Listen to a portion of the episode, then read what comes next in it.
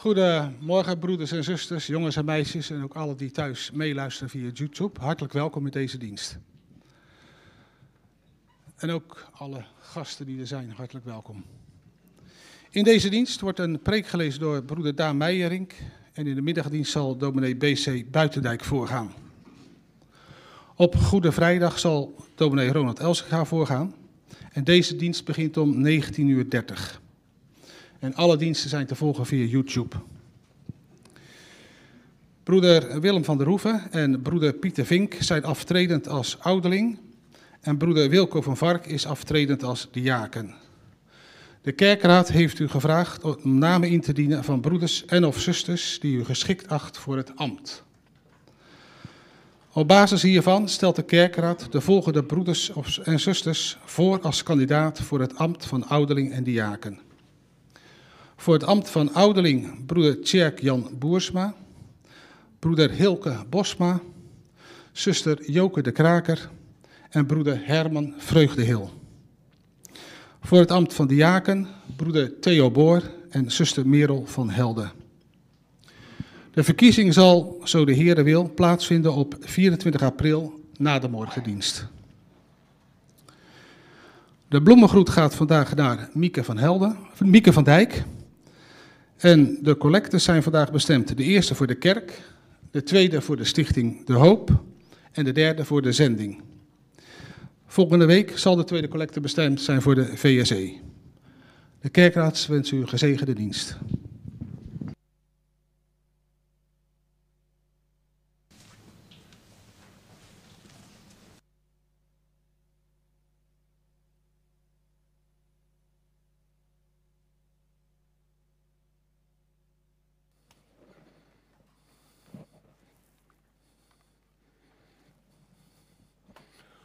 Goedemorgen, broeders en zusters.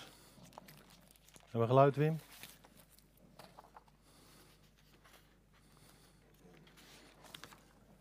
Vanmorgen wil ik voor u een preek lezen van dominee Slotman uit Dalfsen. Laten we uit eerbied voor de Heer gaan staan.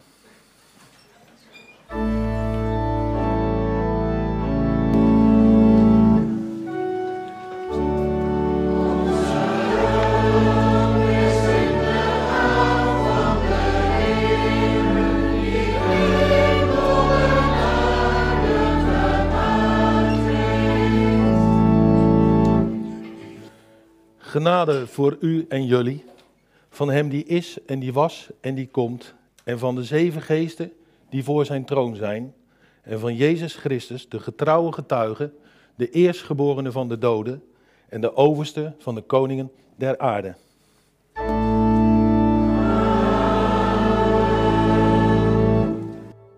Laten we nu de Heer onze lof toezingen door het zingen van Psalm 100, de versen 1 tot en met 4.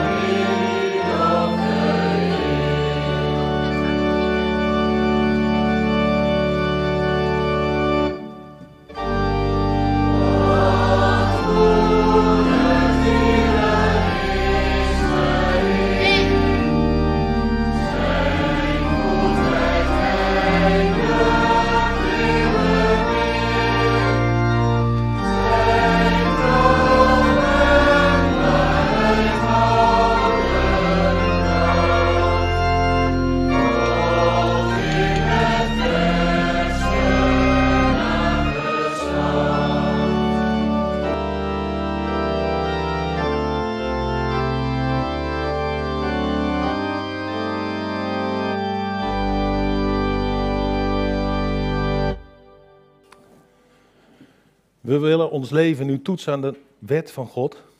En dat doen we door middel van het lezen van Exodus 20. Toen sprak God deze woorden. Ik ben de Heer uw God, die u uit Egypte, uit de slavernij heeft bevrijd. Vereer naast mij geen andere goden. Maak geen godenbeelden, geen enkele afbeelding van iets dat in de hemel hierboven is, of iets beneden op de aarde, of in het water onder de aarde. Kniel voor zulke beelden niet neer. Vereer ze niet, want ik, de Heer uw God, duld geen andere goden naast mij. Voor de schuld van de ouders laat ik de kinderen boeten. En ook het derde en het vierde geslacht, wanneer ze mij haten. Maar als ze mij lief hebben en doen wat ik gebied, bewijs ik hun mijn liefde tot in het duizendste geslacht. Misbruik de naam van de Heer uw God niet. Want wie zijn naam misbruikt, laat hij niet vrij uitgaan. Houd de Sabbat in ere. Het is een heilige dag. Zes dagen lang kunt u werk en al uw arbeid verrichten. Maar de zevende dag is een rustdag, die gewijd is aan de Heere uw God. Dan mag u niet werken. Dat geldt voor u, voor uw zonen en uw dochters, voor uw slaven en slavinnen, voor uw vee en ook voor de vreemdelingen die bij u in de stad wonen. Want in zes dagen heeft de Heer de hemel en de aarde gemaakt en de zee met alles wat er leeft. En op de zevende dag rustte hij. Daarom heeft de Heer de Sabbat gezegend en heilig verklaard. Toon eerbied voor uw vader en uw moeder. Dan wordt u gezegend met een lang leven in het land dat de Heer uw God u geven zal. Pleeg geen moord. Pleeg geen overspel. Stil niet. Leg over een ander geen vals getuigenis af. Zet uw zinnen niet op het huis van een ander. En evenmin op zijn vrouw, op zijn slaaf, zijn slavin, zijn rund of zijn ezel, of wat hem ook maar toebehoort. We willen nu met elkaar gezingen gezang 155, God enkel licht.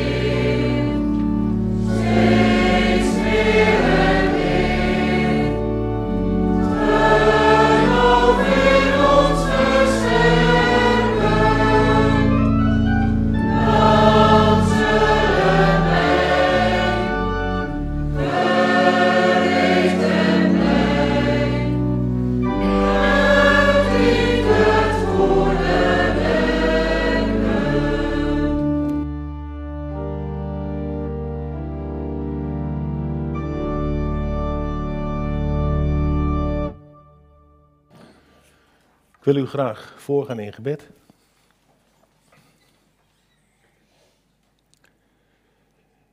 Heere God, u die de wereld en het heelal met al die mooie sterren en planeten heeft gemaakt. U die uw schepping onderhoudt, elke dag opnieuw.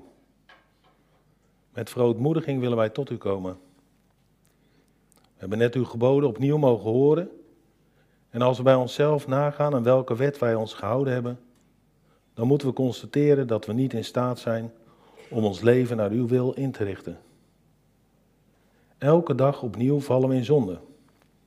Elke dag heeft bij ons zijn eigen kwaad. Heere God, wij willen u hierbij schuld beleiden en u vragen om vergeving van al onze zonden. Niet omdat we dit hebben verdiend, maar wij vragen om uw genade, omdat u zelfs uw eigen zoon heeft gegeven voor ons. En omdat u ondanks al onze tekortkomingen toch van ons houdt. Heren, we danken u dat we vandaag opnieuw de mogelijkheid hebben om twee keer naar uw huis te gaan. U roept ons en daar zijn we dankbaar voor. We mogen blij zijn dat we in dit land in vrijheid uw naam mogen beleiden. Heren, we danken u ook dat we in deze 40 dagen tijd ons laat nadenken over het offer van uw zoon. We hebben de Bijbel, podcasts, boeken en muziek. We hebben allerlei manieren om er extra bij stil te staan wat u voor ons heeft gedaan.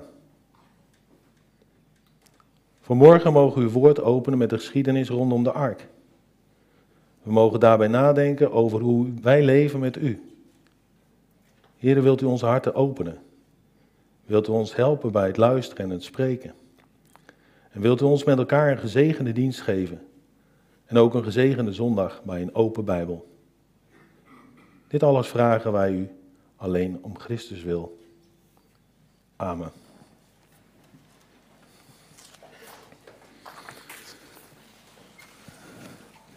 Ik heb geen uh, schriftlezer gesproken, maar is die er wel vanmorgen? Dat is fijn.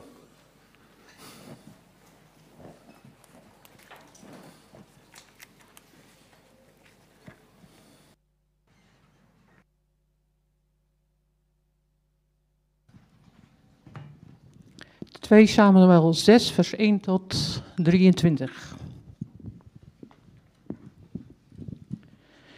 Weer riep David alle weerbare mannen van Israël bijeen. Het waren er dertigduizend.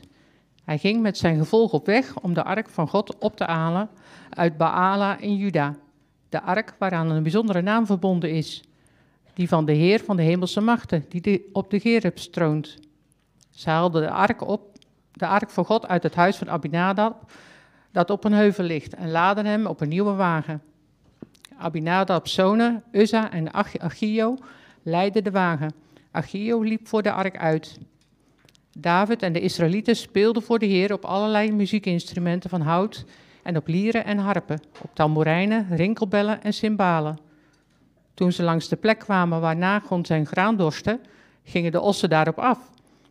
Uzza stak zijn hand uit en greep de ark van God vast. De Heer ontstak in woede tegen Uzza en, strafte hem ter plekke voor zijn onachtzaamheid, zodat hij op slag dood was. David werd kwaad omdat de Heer Uzza had doorkliefd. Hij noemde die plaats Peres Uzza. En zo heet het daar tot op de dag van vandaag. Toen werd David bang voor de Heer en hij vroeg zich af: hoe kan de ark van de Heer ooit bij mij in Jeruzalem komen? Hij durfde de ark niet meer terug te leiden op de weg naar de Davidsburgt en liet de wagen afslaan naar het huis van Obed-Edom, een Gatiet. De ark van de Heer bleef drie maanden in het huis van Obed-Edom en de Heer zegende Obed-Edom en zijn hele huishouden.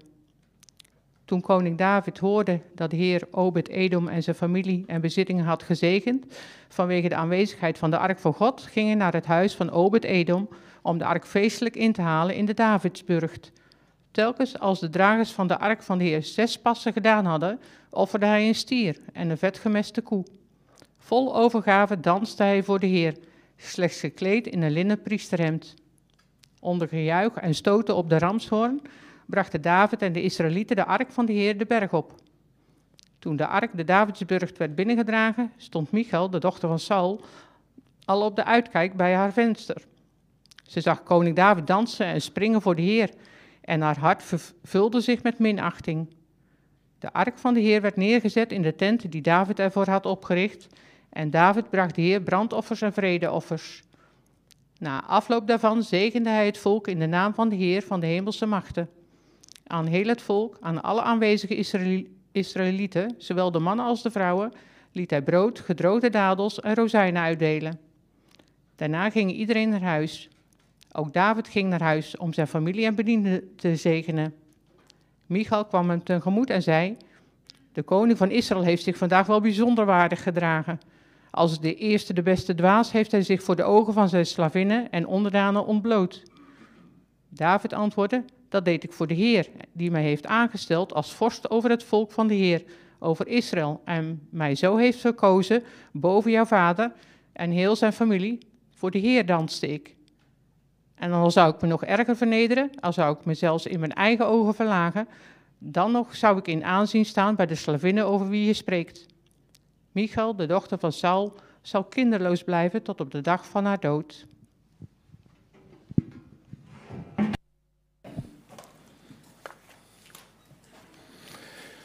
Dankjewel. We willen nu met elkaar gaan zingen Psalm 24, versen 1, 2 en 3.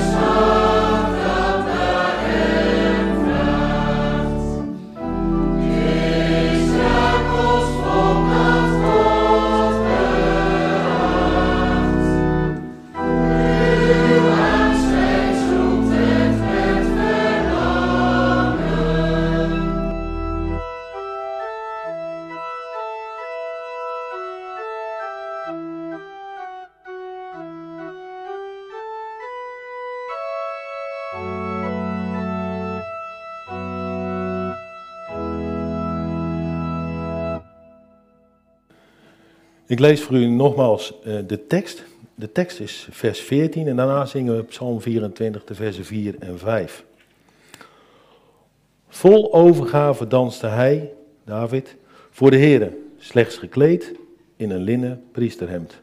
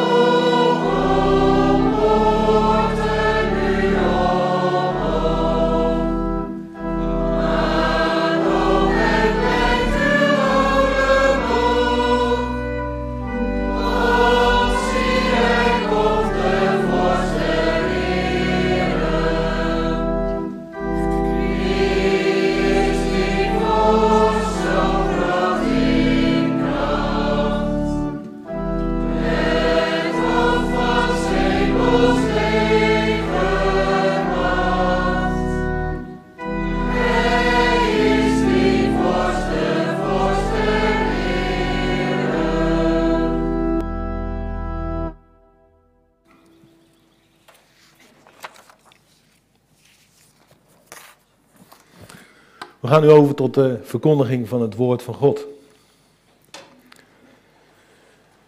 Het thema van de preek is leven met de Here is een hele belevenis. Geliefde gemeente van Christus, ook luisteraars en kijkers via YouTube.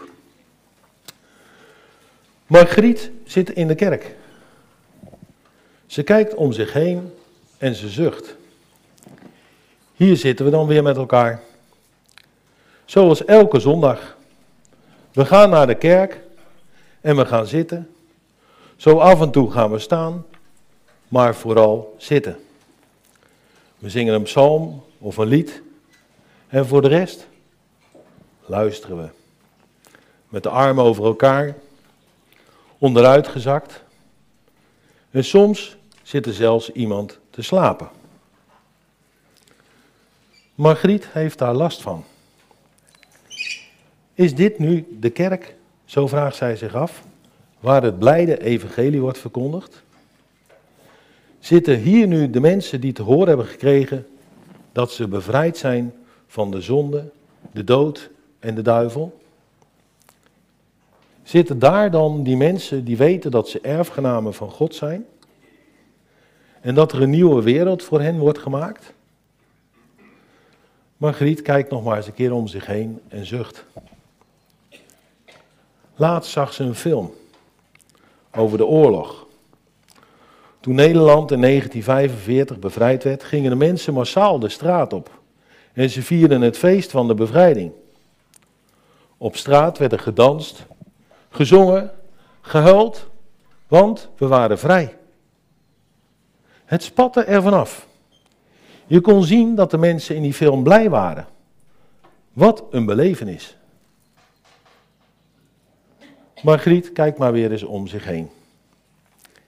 En ze vraagt zich weer af: zijn deze mensen hier eigenlijk echt wel blij? Wat valt er hier in de kerk eigenlijk te beleven? Een tijdje geleden is Margriet meegeweest met een vriendin. Ze gingen naar een preesavond. Geweldig had ze het gevonden. Daar zag je en daar voelde je dat de mensen blij waren met God en blij waren met de Heer Jezus. En je hoort het ook. Want er werd ook mooi gepreekt over de liefde van God. Ze had het er met haar vader over gehad, maar die was niet zo enthousiast. Het gaat niet om jouw gevoel, Margriet, had hij gezegd. Het gaat om de eer van God.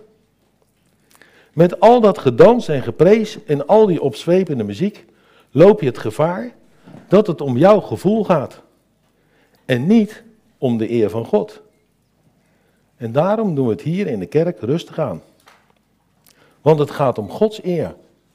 Het gaat om Gods woord. Vandaag zit Margriet weer in de kerk. Ze vindt het allemaal maar moeilijk.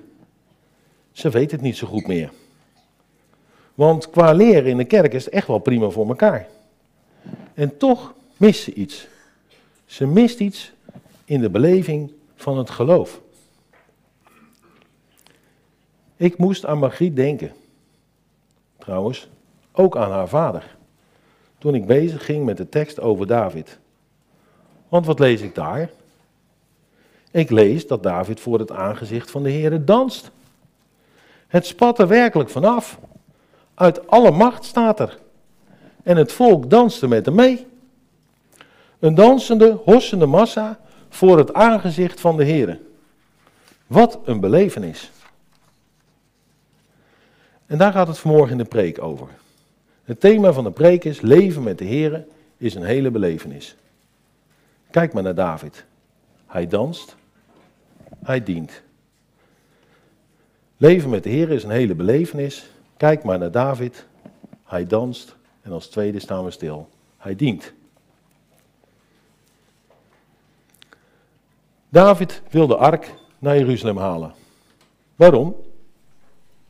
Hij is koning geworden over heel Israël en heeft Jeruzalem gekozen als hoofdstad. Jeruzalem wordt het centrum van het koninkrijk. En David wil dat de Heer centraal staat in zijn rijk. Dus gaan ze de ark ophalen. Met z'n allen. Er wordt een geweldig feest georganiseerd. Een grote optocht. Mensen dansen Er zijn allerlei muziekinstrumenten. Er wordt stevig uitgepakt, want vandaag wordt de ark naar Jeruzalem gebracht. Ze zetten de ark op een nieuwe wagen en daar gaat het heen. Een grote feestelijke optocht. Maar dan, opeens gaat het mis.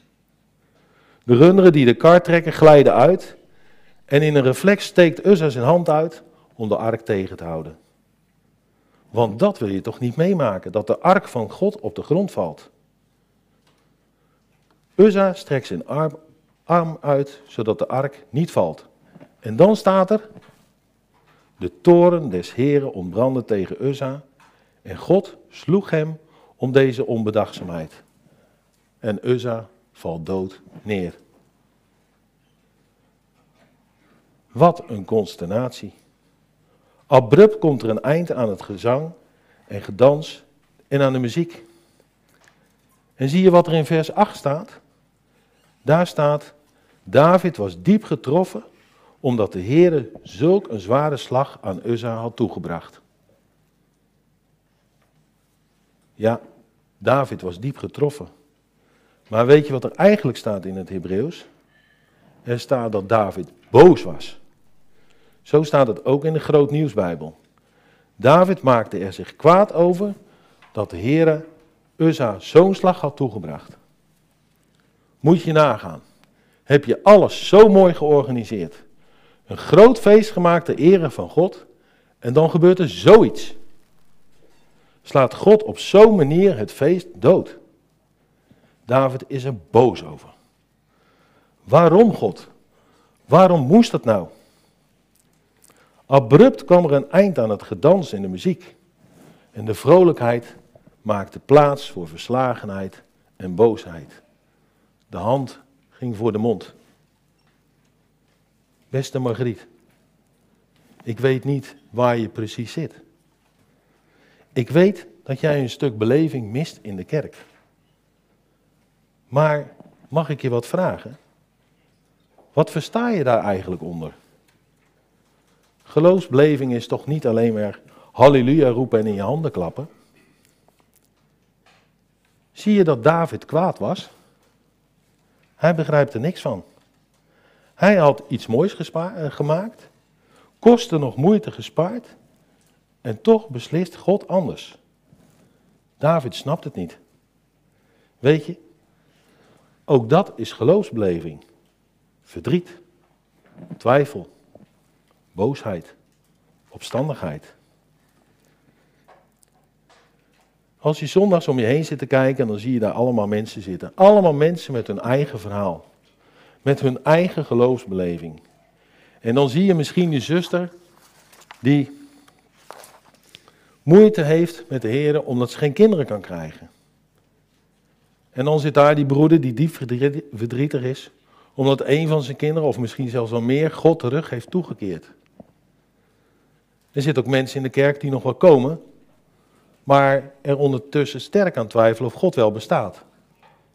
Iedereen zit hier met zijn eigen beleving. Dat is een beetje de moeite van de gemeente. Er zijn zoveel verschillende mensen. En iedereen staat er weer verschillend in. Misschien dat het ook daarom wel wat lastig is om de juiste toon altijd te treffen in de kerkdienst. Niet iedereen is eraan toe om uit zijn dak te gaan. Dat is denk ik ook wel een beetje het verschil tussen een kerkdienst en een preesavond. Een preesavond, daar kun je natuurlijk wel eens een keer naartoe gaan. Als je blij bent en als je er zin in hebt. Heb je geen zin, dan blijf je thuis. Ook goed, geen haan die ernaar kraait. Maar een kerkdienst, dat is een ander verhaal. God roept daar zijn volk samen. Twee keer op een zondag. God wil dat je hier bent. Of je nu blij bent of niet. Of je nu gelukkig bent of ongelukkig. Hij wil dat je er bent. Hij wil je aanspreken. En zo komt er zondags een hele diverse groep hier in de kerk samen. Ook hier in de Almkerk. Blije mensen, verdrietige mensen, twijfelende mensen, opstandige mensen, oude mensen, jonge mensen. En dat geheel, dat is de gemeente. Ik denk dat je daarom een kerkdienst ook niet moet vergelijken met een vrolijke samenkomst, die, hoe je het ook wendt of verkeerd, toch een vorm van vrijblijvendheid heeft. Geloofsbeleving, blijdschap en verdriet, verslagenheid en boosheid. Je komt het tegen in deze geschiedenis. Enthousiast begonnen, maar nu staat toch de optocht stil. Mensen buigen zich over Uzza, tikken tegen zijn wang, luisteren of hij misschien toch nog wel ademt. Maar nee, hij is dood. Er wordt besloten om de optocht af te blazen. We stoppen. Vandaag kan de ark niet naar Jeruzalem worden gebracht. En er wordt een plaats gezocht waar de ark zo lang kan verblijven en al het volk gaat naar huis. Er breekt een tijd van bezinning aan. Er is iets misgegaan. Maar wat dan? David komt erachter. Uit 1 Kronieken 15 blijkt dat David heeft ontdekt wat er mis is gegaan. Het was fout geweest om de ark op een wagen te vervoeren. De ark moest gedragen worden. En we weten dat ook allemaal nog wel uit eh, de geschiedenissen in de woestijn. Die ark moest gedragen worden door de levieten. De ark was veel te makkelijk op een wagen gezet. Ze hadden gedaan wat de Filistijnen hadden gedaan. De Filistijnen hadden de ark veroverd, maar toen de aanwezigheid van de ark allemaal onheil met zich meebracht, besloten ze de ark terug te sturen naar Israël. En wat deden ze? Ze zetten hem op een wagen. En zo kwam de ark terug bij de Israëlieten. Op een wagen. En wat doen de Israëlieten? Die doen dat ook. Afgekeken van de Filistijnen. En ook zij tillen de ark op een wagen.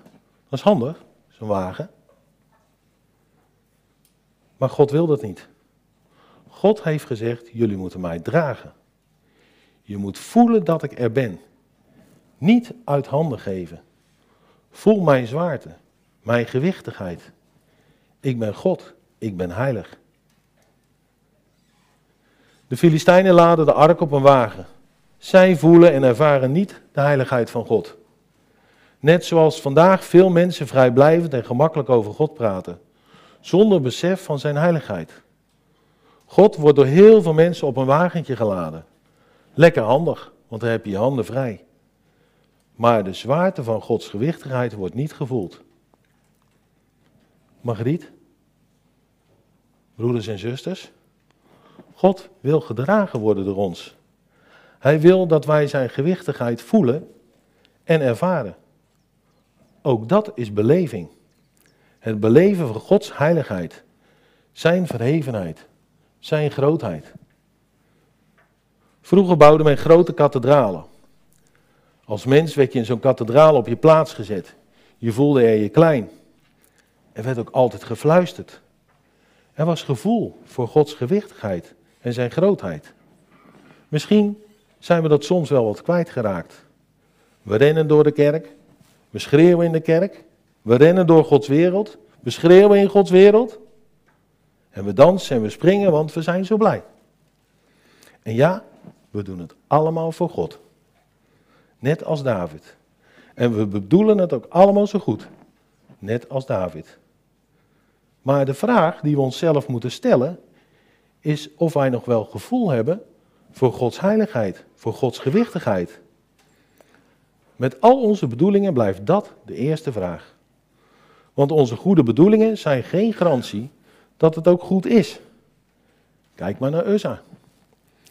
De centrale vraag is, welke plaats krijgt God in ons leven? Dragen we Hem? Ervaren we Gods heiligheid? Voelen we Zijn aanwezigheid? Tillen we de ark? Of laden we hem te gemakkelijk op een wagentje, zodat we onze handen vrij hebben? In de kerk mag je dat verwachten. Mag je dat beleven? Eerbied voor de heilige God. Zijn gewichtigheid voelen. En daarover willen we nu gaan zingen. Met het lied Heilig, Heilig, Heere, God Almachtig.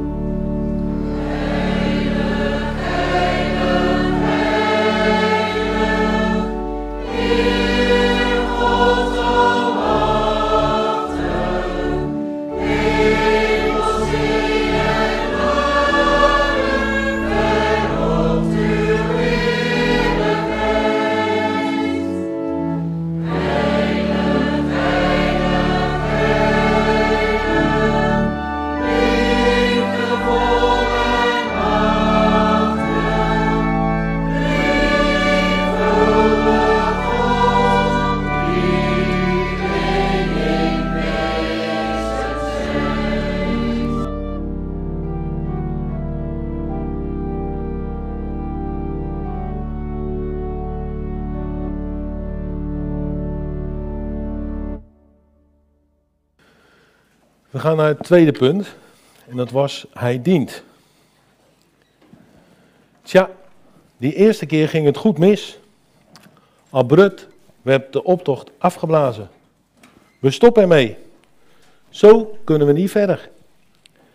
Drie maanden later, als David hoort dat het huis waar de ark verblijft gezegend wordt, onderneemt hij een tweede poging. Opnieuw roept hij het volk van Israël op zich te verzamelen om de ark naar Jeruzalem te brengen. En je zou denken, na zo'n dramatisch ongeluk de eerste keer, zullen ze het nu wel wat rustiger aan gaan doen. Ze zullen vast een stille tocht organiseren of een statige processie. Want God heeft immers laten zien dat Hij een heilige God is, waar je niet mee kunt spotten. Dus rustig aanmaken.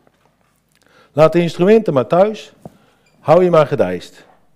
Pas op dat je je niet opnieuw brandt aan de heiligheid van God.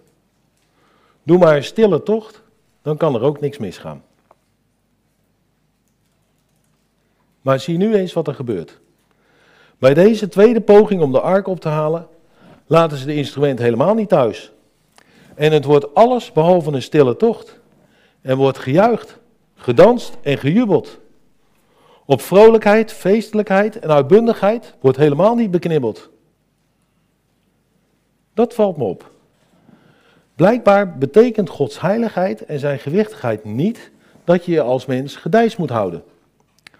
Gods heiligheid en onze geloofsvreugde staan niet met elkaar op gespannen voet. Het is niet oneerbiedig om een uitbindig feest te vieren voor het aangezicht van de Heer. De heiligheid van God staat niet in de weg. David danste, zo lees ik, uit alle macht voor het aangezicht van de Heer. Hij ging er helemaal in op. Alles wat hij in zich had, gaf hij om zijn God te dienen. Zelfs zijn voeten gingen van de vloer. Ik maak hieruit op dat er geen enkele reden is om krampachtig en zuinig te doen op liturgisch gebied. Het mag er best uitbundig aan toegaan in de kerk. Nu is het alleen niet de bedoeling van deze preek om vanaf vandaag de banken maar uit de kerk te halen, zodat we een dansvloer van kunnen maken. Niet iedereen kan dansen en houdt van dansen. Bovendien is het nog maar de vraag of wij wel in staat zijn om zuiver voor de Heer te dansen. Wat is dat eigenlijk? In elk geval geloof ik er niks van dat het iets te maken heeft met het gedans wat je soms op tv ziet bij TMF of MTV. Ik geloof niet dat God met zulke erotisch getinte dansen gediend wil worden. We moeten ervoor oppassen niet dezelfde fout als David te maken. Die de ark op de wagen laden omdat hij dat van de Filistijn had afgekeken. Niet alles wat ongelovigen doen kunnen we kopiëren voor de dienst aan onze heilige God. Maar toch komt er wel een vraag op ons af. Hoe laten wij een God zien dat wij Hem dankbaar zijn en wij blij met Hem zijn? Wat bieden wij God aan? En misschien zegt u wel onze psalmen en gezangen, onze gaven en onze gebeden. Ja, inderdaad, zo doen we dat. En zo zijn we dat van jongs af aan ook gewend. En wij beleven daar ook heel veel bij, tenminste ik wel. Maar terug naar Margriet, kan Margriet dat ook? Kan zij haar blijdschap aan God laten zien door het zingen van psalmen? Als ik iets meer voorbereidingstijd had gehad, had ik ook zeker de band ingezet. Zeker bij deze preek. Kan Margriet op die manier haar blijdschap tonen? Misschien heeft Margriet wel heel andere ideeën over het dienen van de Heer. Misschien dat Margriet God wel wat meer heeft aan te bieden uit dankbaarheid. Omdat God zo goed is? Krijgt Margriet die ruimte bij ons in de kerk? Het lijkt me van belang dat we hier met elkaar over spreken en blijven spreken, eerlijk en open. Want wat zou het jammer zijn als Margriet een vreemde wordt in ons midden, omdat wij een andere taal spreken dan zij. Ja, maar moeten we dan alles op Margriet afstemmen? Draait het dan alleen maar om haar? In dit verband wil ik nog wijzen op een ander element uit de tekst. Want koning David danst samen met zijn slavinnen. Dat is voor Michal onbegrijpelijk. Ze spreekt David er dan ook op aan. Hoe kun je dat nou toch doen? Blijf toch op je troon zitten. Jouw houding is een koning onwaardig. Maar David zegt, ik doe het voor de Heer. En dan zegt hij erbij, ik zal onaanzienlijk zijn in eigen ogen en met deze slavinnen eer verwerven. David stelt zich in zijn dienst aan de Heer op één lijn met zijn slavinnen. Zoals Jezus in zijn dienst aan God op één lijn met ons is gaan staan door de gestalte van een dienstknecht aan te nemen. Als ik dit lees, dan vraag ik me af hoe het komt dat wij in onze gesprekken over liturgie en de invulling van onze diensten zo gemakkelijk tegenover elkaar soms komen te staan. En dan denk ik, komt dat dan niet omdat wij het liefst op, allemaal op onze eigen troon blijven zitten? Het is toch een gezamenlijke dienst aan de Heer, waarbij de koning zijn koninklijke kleren uitdoet om te dansen met zijn slavinnen voor het aangezicht van de Heer. Ik denk dat dit element van belang is wanneer we nadenken over onze gezamenlijke invulling van de erediensten.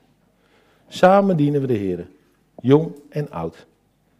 Als koning David bereid was om zich te vernederen, om op één lijn te gaan staan met zijn slavinnen, en de Heer Jezus bereid was de gestalte van een dienstknecht aan te nemen, zouden wij dan niet bereid zijn om naar elkaar op zoek te gaan, om schouder aan schouder onze God te loven en te prijzen en te luisteren naar elkaar? En kijk dan nog eens goed naar onze tekst. Daar staat dat David uit alle macht danste. En staat er dan bij, hij was omgord met een linnen lijfrok. Dat staat er niet voor niks bij. Een lijfrok was het kledingstuk van een dienstknecht. Daarom vond Michal het ook zo dom van David. Een koning in de gestalte van een dienstknecht. David in dienst van een ander. Met zijn gedans dient David niet zichzelf. Is hij niet bezig zichzelf te behagen? Nee, dan had hij naar Michal moeten luisteren. Michal roept David immers op zichzelf een dienst te bewijzen. Handhaaf je positie. Jij bent toch de koning? Ga op je troon zitten. Maar David, David danst voor het aangezicht van de Heer. Hij is op God gericht. Hij danst als een dienstknecht. Hij danst voor de Heer die hem heeft uitgekozen, die hem tot koning heeft gemaakt. Voor die God komt hij van zijn troon. En zijn eigen kroon legt hij neer voor Gods voeten. Broeders en zusters, op dit punt zal een ieder zich moeten beproeven. Op wie ben jij gericht? Voor wie leef je eigenlijk? Ben je gericht op jezelf? En wil jij vermaakt worden, hier in de kerk, op een preesavond of in je leven? Of ben je erop uit God te dienen? God die ook jou tot koning heeft gemaakt. God die jou heeft uitgekozen. Ben je bereid om van je troon af te komen?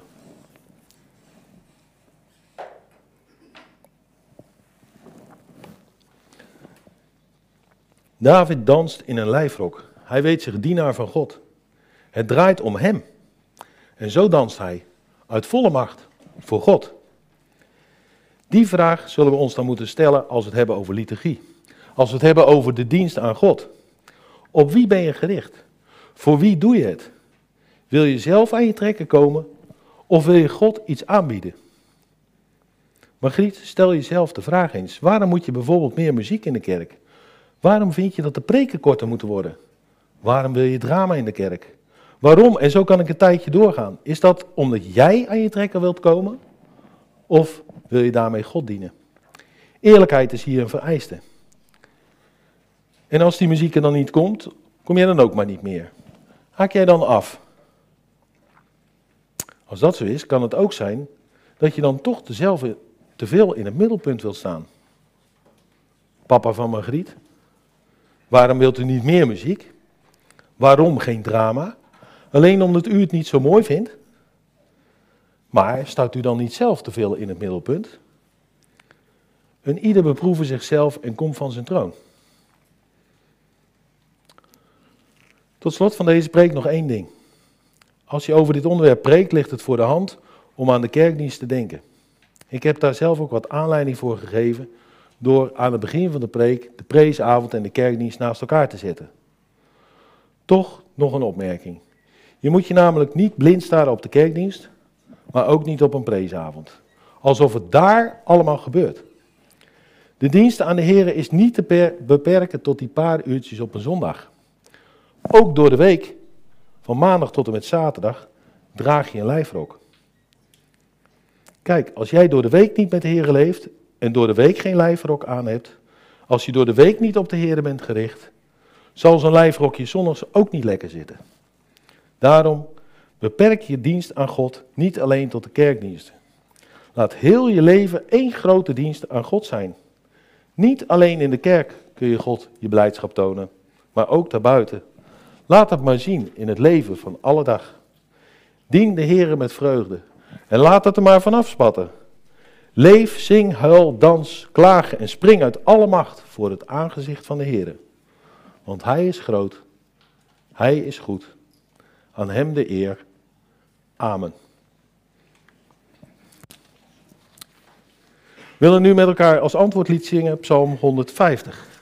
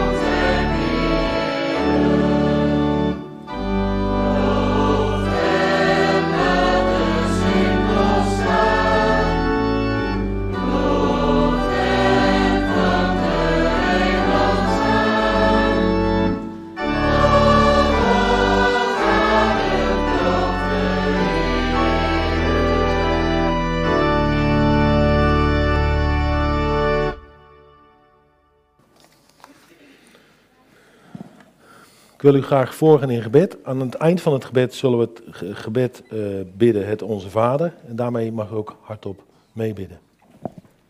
Ik ga u graag voor. Heere God, aan het einde van de dienst willen we opnieuw danken en ook voorbeden doen. Het is een bijzondere geschiedenis van David, maar eigenlijk van u. We mochten luisteren naar uw woord, waarin u aangeeft hoe u eerbiedig mogen dienen. Gericht zijn op u, Elke dag van ons leven, ook in de komende week. In onze voorbeden willen we u vragen om met het Oekraïense volk te zijn. Een volk dat in oorlog is verwikkeld. Heere God, we willen u vragen of vredesbesprekingen er uiteindelijk toe mogen leiden dat de oorlog stopt. Wilt u ook in het bijzonder met onze geloofsgenoten daar zijn? Wilt u het werk wat Keen verzet en de medewerkers? Wilt u dat zegenen? De chauffeurs, de regelaars, sorteerders en al degenen die bij dit belangrijke werk zijn betrokken. Wilt u geven dat u ook door dit werk zichtbaar wordt in deze wereld? Vanmorgen gaan we collecteren voor de hoop. Verslaving kan een groot probleem zijn. Wilt u verslaafden helpen om te genezen en de medewerkers van de stichting om er te zijn voor onze medemensen? Ook in deze zorginstelling zien we hoe dicht ellende soms nabij is. Maar u geeft hoop en u geeft redding. Geef dat we daaruit leven, zodat u geëerd en geprezen wordt. We danken u voor onze predikant en zijn gezin. Heer, wees hen nabij. Geef dat zij hun taak met vreugde mogen oppakken hier in deze gemeente. We danken u dat Ronald bijna hersteld is. Heer, wees hem ook verder nabij in het verdere herstel. Geef hem kracht en energie om leiding te geven als herder aan deze gemeente. Vanmorgen mochten we luisteren naar de talstelling. Heer, wilt u de zusters en broeders vrijmoedigheid geven wanneer ze eventueel worden verkozen om het ambt te aanvaarden. Omdat u het bent die roept, zodat het dienende werk in de kerk gecontinueerd kan worden. Geef de zusters en broeders rust in deze, want u bent het die voor uw gemeente, voor uw kerk zorgt. Heer, wilt u zijn met hen die verdriet hebben, die recent een geliefde zijn verloren of misschien ook wel langer geleden. Wilt u geven dat waar nodig onze broeders en zusters eromheen staan in gebed, maar ook in aanwezigheid en een luisterend oor. Wilt u met de zieken zijn en de ouderen? Soms gaat het allemaal wat minder makkelijk. Wilt u er dan zijn met uw troost? We danken u dat we aan uw hart mogen schuilen, allemaal. En dat we met alles bij u mogen komen. Met al onze zorgen. Tot slot willen we het gebed bidden dat uw zoon aan ons heeft geleerd. Onze Vader in de hemel, laat uw naam geheiligd worden. Laat uw koninkrijk komen en uw wil gedaan worden, op aarde zoals in de hemel. Geef ons heden ons dagelijks brood. Vergeef ons onze schulden, gelijk ook wij anderen vergeven die ons iets schuldig zijn. Leid ons niet in verzoeking, maar verlos ons van het kwade. Want van u is het koninkrijk, de kracht en de heerlijkheid tot in eeuwigheid. Amen.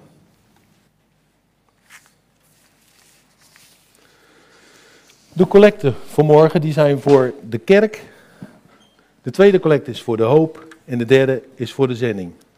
Na de collecte willen we met elkaar zingen Psalm 68, de versen 8, 10 en 11.